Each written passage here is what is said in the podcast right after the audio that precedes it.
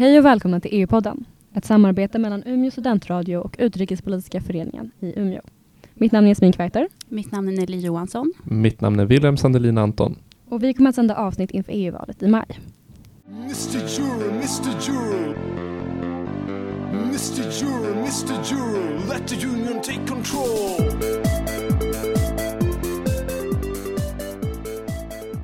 Temat för vår intervju med Tarja Hallonen handlade om Finlands plats i EU och eh, hur framtiden kommer att se ut i norra Europa kopplat till eh, valresultatet och vad som kommer att hända. Svaren kan ibland vara ganska svåra att förstå. Hon eh, vävde in väldigt många aspekter men det mest slående var kanske att samarbetet är ganska viktigt och någonting vi borde hålla kvar vid. Så varsågoda, dagens avsnitt.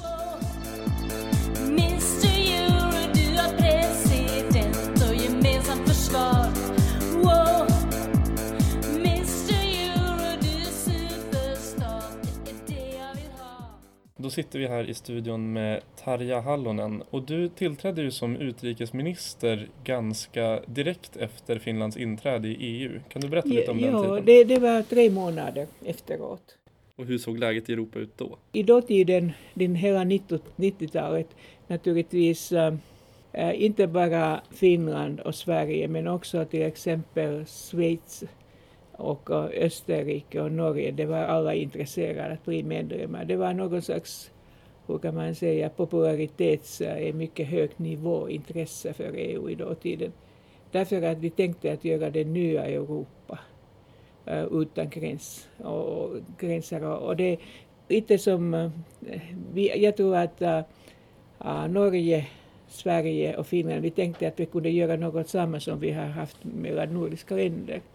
Men eh, no, eh, Norge, Norge gav igen en nej-svar till referendum eh, och Sverige och Finland, vi gick in Jag, jag kommer ihåg att när jag tänkte att vi kunde göra tillsammans någon slags nordiska politiken. Men Danmark var inte alls så intresserad därför att Danmark var redan en gammal medlem och, och tyckte att de vet bäst alla. Eh, men eh, då småningom vi också lärde att ha den i vissa sakerna samma linje, men några andra vi hade nog olika slags linjer, till exempel med euro eh, uh, EMU, så Finland är den enda som har euro. Uh, Danmark och Sverige har inte, inte, inte här den idén. Några har frågat om vi gjorde det för snabbt, men jag tror att det är mycket ofta så att politiska situa- situationen är sådan att du kan inte välja om du gör det snabbt eller lite längre tid. Men det är mycket olika nu. Den kritiken inom EU har nu mycket högre kanske det också berättar att mest av den EU-medlemmar tänker att de kan kritisera, har också Um, reformerna.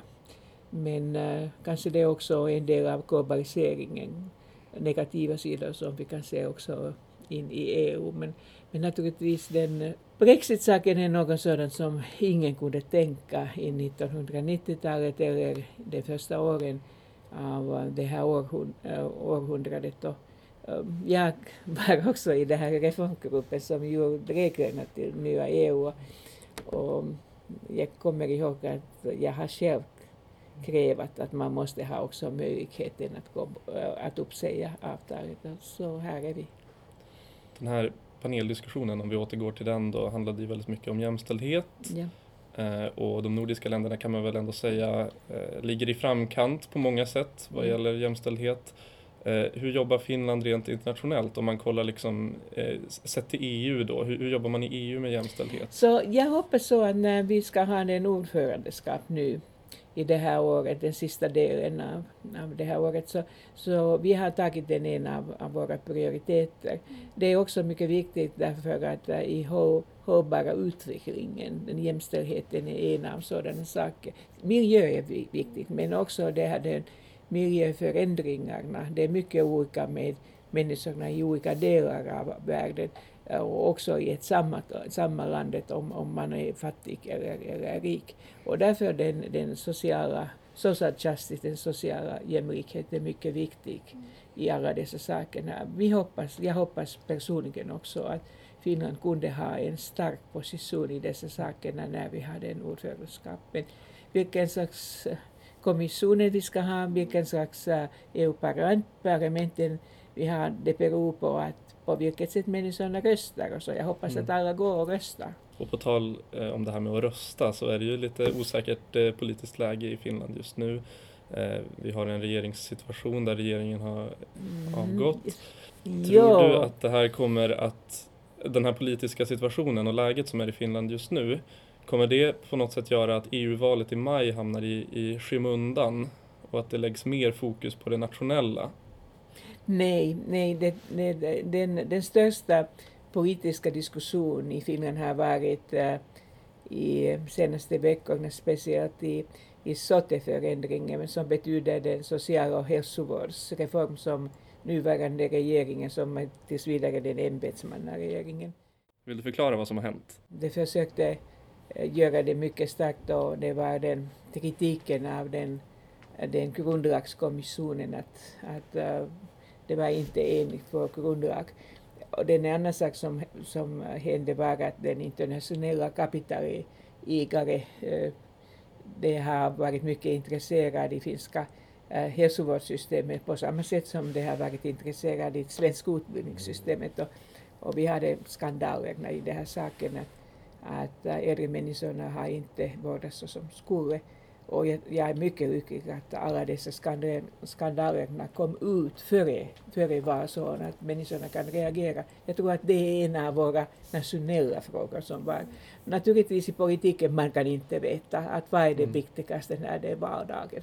Det kan hända vad som helst men um, jag, jag tänkte så att uh, populisterna är en vik- och populismen är en viktig sak i, också i finska riksdagsval, kanske också, det är viktigt också i EU-valen, men jag hoppas att den, den förnuftiga opinionen vill att, att vinnas Mm. ut.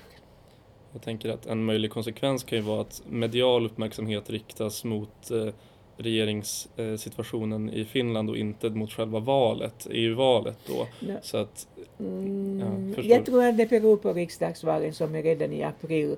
Och ganska många människor, jag också, vi säger att, att, att det regeringen vill att uppsäga eh, situationen nu, det betyder bara att äh, situationen var ganska rimligt dålig och nu också den partimedlemmar i regeringspartierna har nu fria händer gå till valkampanjen som är mycket nära. Och kanske någon kunde också säga att nu kan även regeringspartierna kritisera varandra. Vad de kan inte göra om de sitter i samma regering, men nu, nu det är fri, frihet för alla, både Ova och kritisera. Så det är mera valtaktiskt den uh, tiden. Men uh, det var en ganska viktig erfarenhet vad vi fick om det här den äh, försök att, att eh, reformera systemet. Jag tror så att, att äh, den gamla parlamentariska kommittéerna kanske blir igen må omtyckta eh, vad tror du att man ska göra för att öka engagemanget kring EU och få valdeltagandet att öka? Det är den eviga frågan. Ja. Jag tror att jag kunde ha Nobelprisen om jag kunde veta det. Men jag tror också, om man tar lite en vardagsstil, att människorna har så många olika slags äh, prognoser att vad händer i politiken. Att människorna har lite svårt att, att se att valet är den viktigaste saken. Det kan förändra situationen i samhället. Om man frågar bara att vad du tycker när du sitter i din kök, det är intressant men det är inte förändra världen. Och, och jag hoppas att vi kan berätta att, att aktiv val räcker inte med det bra början. Varför behövs EU? I varje fall jag tänker att människorna skulle bemärka att EU är en bra, bra Eh, idé för den globaliserade världen. Därför att varje, varje land i EU är så liten, även Tyskland, att om man tar den globaliserade marknaden, vi är, vi är mycket, mycket små om vi tänker den stora Asias, stora länder i Asien eller också några stora länder i Afrika. Så om vi vill att göra världen mera sådant som vi tycker här i Norden så vi skulle naturligtvis också göra stark och progressiv EU. Du har lyssnat på ett avsnitt av EU-podden med Tarja Hallonen, ett samarbete med Umeå studentradio och Utrikespolitiska föreningen här i Umeå.